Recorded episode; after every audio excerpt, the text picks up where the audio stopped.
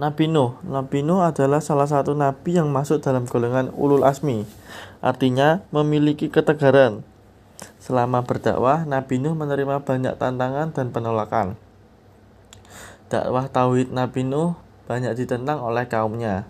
Namun beliau tetap berjuang untuk mengajak kaumnya untuk menyembah Allah bukan patung berhala maupun hanya sedikit saja kaumnya yang mengikuti jejaknya Selama 950 tahun, Nabi Nuh tetap bersabar dalam menyebarkan dakwahnya.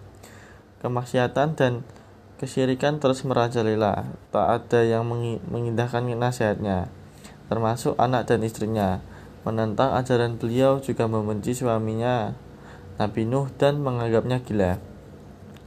Ketika kaumnya tetap bertindak zalim, Allah pun menurunkan azab banjir besar yang menimpa mereka.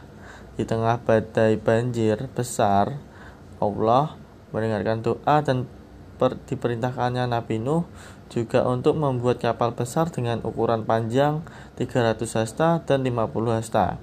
Inilah mukjizat dari Allah karena bisa membuat kapal besar.